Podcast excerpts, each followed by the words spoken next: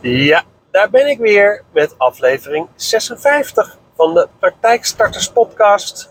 En een vet leuk onderwerp, althans, dat vind ik.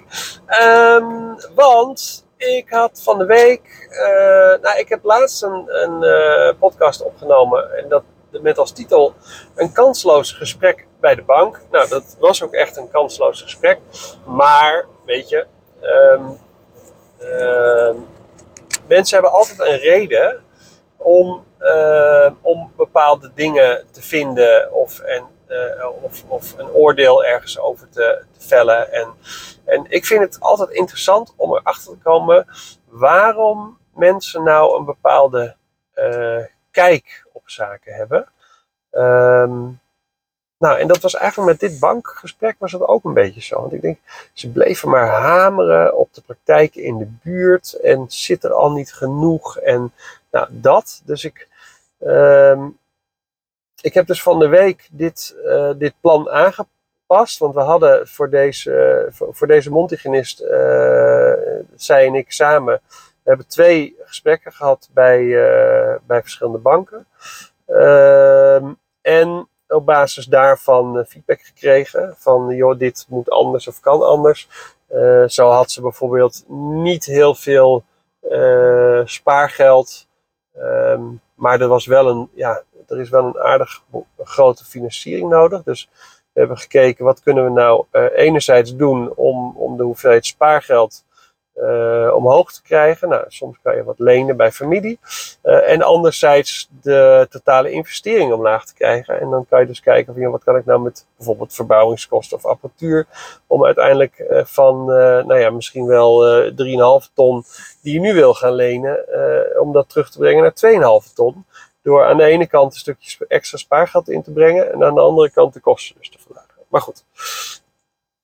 een ander punt uh, van die bank. Ik heb dus deze week dat ondernemingsplan aangepast en eigenlijk de feedback van beide banken daarin uh, verwerkt. Um, nou ja, en een van die, van die, van die feedbackpunten was van ja, maar ja, er zitten allemaal praktijken in de buurt en waarom zullen ze naar jou? En ik had dus, ik zal het nog even herhalen, het gebeurde ons dus gewoon letterlijk dat de medewerker van de bank uh, op de website ging kijken van een andere mondhygiënepraktijk. En zegt, oh kijk, ik kan hier zo een afspraak inboeken. Terwijl we natuurlijk allemaal weten dat als je een praktijk hebt, het, het heel vaak voorkomt uh, dat je gewoon die agenda opengooit om uh, die afspraken naar binnen te harken. Uh, en als het nou wel op een moment is dat het jou niet uitkomt of dat je eigenlijk niet open wil zijn, nou, dan bel je gewoon die, die, eh, die, die patiënt of, of toekomstige patiënt. En zegt van, nou, weet je, dat is, uh, dat is toch niet zo'n handig moment. Kan je niet op uh, donderdagmiddag om 4 uur? Nou, dat dus. Nou, ik heb zelf ook nog even op die website van die mondhygiënist gekeken die het betrof. Ja, en ze heeft inderdaad een, een agenda planner op de website staan.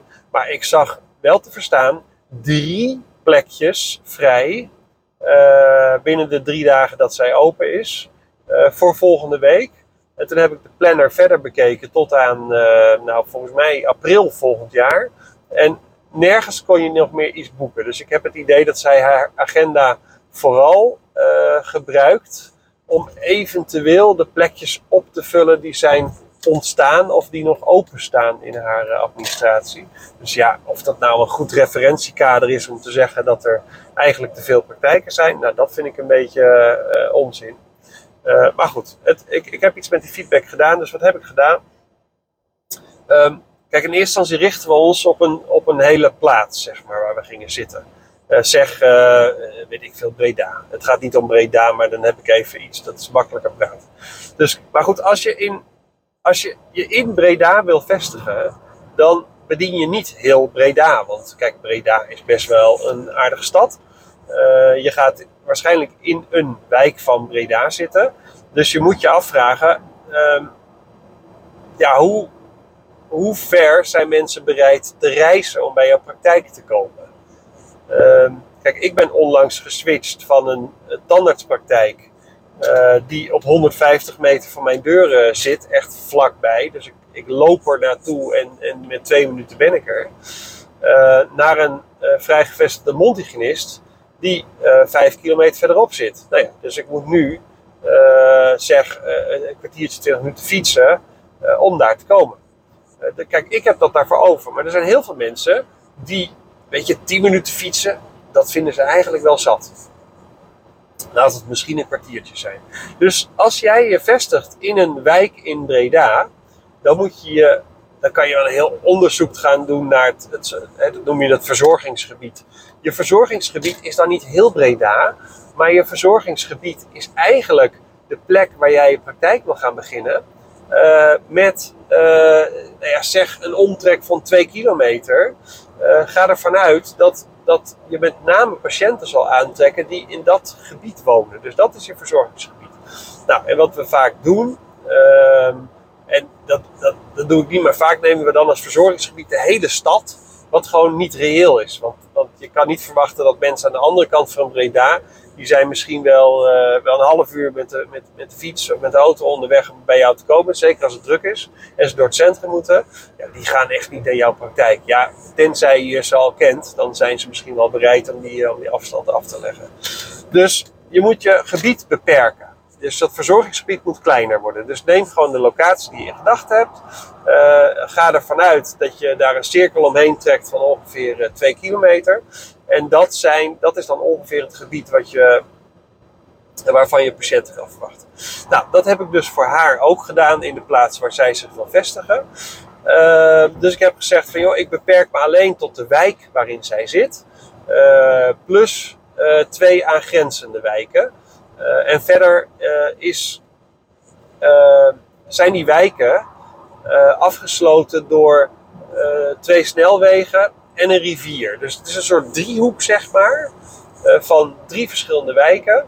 En ik denk van nou, daar komen we met. Kijk, als er een snelweg tussen zit, mensen, snelwegen, kanalen, rivieren, dat soort dingen.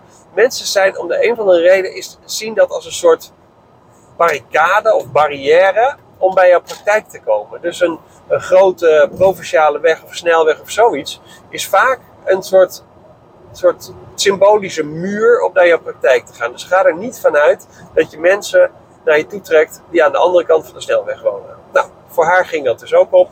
Dus ik zeg van joh, we hebben drie wijken. Die worden ingesloten met z'n drieën door twee snelwegen en een rivier. Dus we hebben een soort driehoek. En op dat gebied ga ik me focussen. Dus ik heb gekeken van, joh, hoeveel mensen wonen er in dat gebied? Dat was eigenlijk uh, stap 1 en dan per wijk gespecificeerd. Want ze zit natuurlijk in een bepaalde wijk. Dus dat is echt uh, de wijk waar we ons op gaan richten. Maar die andere twee wijken, dat was meer allemaal binnen een straal van 2 kilometer. Dus ik ga ervan uit dat we daar ook mensen van halen. Dus ik heb per wijk aangegeven, joh, zoveel mensen wonen er. En vervolgens ben ik per wijk gaan kijken, uh, hoeveel praktijken zitten daar nou eigenlijk? En dat kan, je kan gewoon googlen. Je kan gewoon, uh, dit, dit, zij start als vrij gevestigde. Uh, maar ik zoek altijd wel op uh, tandarts in combinatie met een wijk en een plaats. Of mondhygiënist in combinatie met een wijk of een plaats. Of mondhygiënepraktijk of mondhygiënistenpraktijk of tandartspraktijk of mondzorg. En ik, ik doe eigenlijk alles googelen, zeg maar, in combinatie met een wijk en een plaats omdat het soms nog wel wil gebeuren dat sommige dingen niet uh, naar voren komen. Ik, ik googelde namelijk bij haar op uh, plus wijk plus plaats. En toen kwam er ongeveer niks naar voren. Zelfs niet een vrij gevestigde praktijk die er al zit. Uh, en toen googelde ik op tandarts plus wijk plus plaats. En toen kwamen ineens alle praktijken naar voren, inclusief een, tandtechnisch lab en een tandprotheticus. En een bedrijfje wat um, tandheelkundige materialen maakt. Dus, om, dus, dus in Google werkt het, je moet altijd een paar dingen googlen om te kijken van uh, wat, wat het beste resultaat oplevert. Want je moet natuurlijk wel een goed beeld hebben van wat er nou eigenlijk zit. Dus ik had de hoeveelheid inwoners per plaats. En ik had uh, inwoners per, uh, in die drie wijken dan. En het, dan het totaal daarvan. Nou, waren toch iets van 22.000 inwoners in totaal. Dat is best veel. En toen ben ik gekeken naar de praktijken. Nou, dat waren er uh, binnen de straal van 2 kilometer. Dus in die drie wijken zaten vier andere praktijken. Nou, en dan heb je al heel wat. Want dan kan je zeggen, joh, hoeveel patiënten zijn dat nou per praktijk? Ja, de ene praktijk heeft één kamer, de andere praktijk heeft er zes. Um, dus, dus je moet iets. En wat de bank mij zei, is van ja, en daar hebben ze gelijk in. Kijk, bij een tandartspraktijk is de capaciteit van de behandelkamer ongeveer 1500 patiënten. Hè? Sommigen hebben er, uh, hebben er 1000, sommigen hebben er uh, 1500. Uh, maar gemiddeld 1500 is best oké. De capaciteit voor een mondhygiënist is per behandelkamer ongeveer 1000. Kijk, mondhygiënebehandelingen zijn over het algemeen langer. je ziet 8 tot 10, soms, sommige mondhygiënisten die je kent zien 12 patiënten per dag. Maar uh, ga ervan uit dat je ongeveer uh, eh, 1000 patiënten kwijt kan op één behandelkamer. Dus wat de bank zegt, en dat vond ik, dat vond ik nog niet eens een hele slechte benadering, is zegt van joh, zoek uit hoeveel behandelkamers nou um, die praktijken hebben, of doe daar een schatting van, en ga dan kijken hoeveel uh, inwoners zijn dat per behandelkamer. Nou, en ik kwam er dus achter, van die vier praktijken die daar al zitten, waren er twee solopraktijk. Die zouden echt, nou ja, e-, één was solopraktijk, dat was dan die mondhygiënist die er al zat. Andere solopraktijk was een tandarts die gewoon een praktijk in huis heeft. Uh, en er waren er nog twee andere praktijken, waarvan eentje uh, drie kamers had en eentje twee kamers had. Nou, dus we hadden 22.000 inwoners binnen ons gebied. En uiteindelijk vier praktijken met in totaal zeven behandelkamers. Nou, dan kom je dus op een gemiddelde van ongeveer 3200 patiënten per behandelkamer. Nou, als je er dan van uitgaat dat je per behandelkamer uh, voor praktijk 1000 en voor tandartspraktijk 1500 patiënten, dat je daar capaciteit voor hebt, zeg maar, dan is er dus een schreeuwend tekort aan behandelaars in deze wijken. Uh, nou, en dat is natuurlijk een mooi verhaal waarmee je naar de bank kan. Uh, dus het, was eigenlijk, in eerste instantie was ik gewoon een beetje pissig op die bank. Nou ja, niet alleen op dit. Kijk, dit was gewoon een, een goede tip en het geeft mij ook weer een andere kijk op dingen. Dus ik, ik vond het zeker interessant om, deze, om dit onderzoek te doen en, en erachter te komen uh, nou ja, wat, ik, wat, ik, wat ik daarvan vind. En dit is natuurlijk een mooi verhaal om mee aan te komen. Dat je zegt van joh, we hebben onderzoek gedaan. Dit is het onderzoek. Dit zijn onze bronnen. En want je moet wel aantonen dat je er ergens vandaan hebt. En dat het ook betrouwbare bronnen zijn.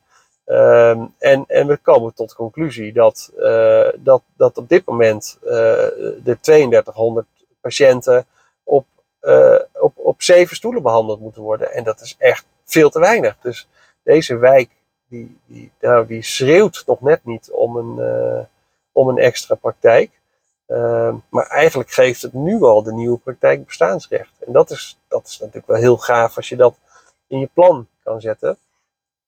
Dus dit vond ik zeker goed. En er waren gewoon andere dingen in het gesprek gebeurd die gewoon, ja, die waren alleen maar gebaseerd op, op het vooroordeel van, van één persoon. Ja, daar kan ik dan echt niks mee, weet je. Want ik, ik doe ook mijn best om, om gewoon met een, met een uh, open mind naar alles te kijken. En nogmaals, ik doe dus ook mijn best dat als iemand het niet met mij eens is uh, en daar anders over denkt, om er echt wel achter te komen van waarom, waarom heeft iemand nou deze indruk? Hè? Wat, wat, wat had ik anders kunnen doen wellicht? Om, om deze persoon een ander beeld te geven. Dus ik, ik, ik kijk altijd ook naar mezelf van wat kan ik daar nou aan doen? Uh, nou ja, en daarom ben ik deze oefening uh, gaan inzetten. Maar ik denk, nou, dat is toch wel interessant. Dat je op die manier. Want ik krijg heel vaak de vraag. Uh, en met name mensen die in, in, zich nog in Amsterdam willen vestigen, waar natuurlijk best wel veel praktijken zijn. Ja, dan heeft iemand een pand gevonden en dan krijg ik een, een appje doorgestuurd met een, met een link naar, naar Funda in Business. Ja, wat vind jij hiervan?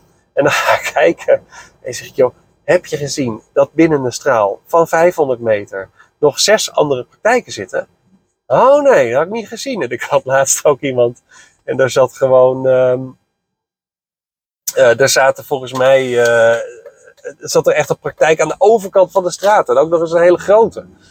En dus ik denk, ja, wees daar wel alert op. Maar goed, dit is, dit is een mooie oefening om erachter te komen van, joh, is er nog behoefte in deze wijk uh, om mij daar te vestigen. Want ik krijg heel vaak de vraag: ja, wat is dan een goede plek om te gaan zitten? Nou, met deze oefening ga je erachter komen. Dus hoe cool is dat? Dus ik, ja, ik had gelijk, op het moment dat ik hiermee bezig was, en het was echt een heel raar tijdstip, want ik, ik ben hier nou, dinsdagochtend, het is vandaag uh, donderdag de 20ste.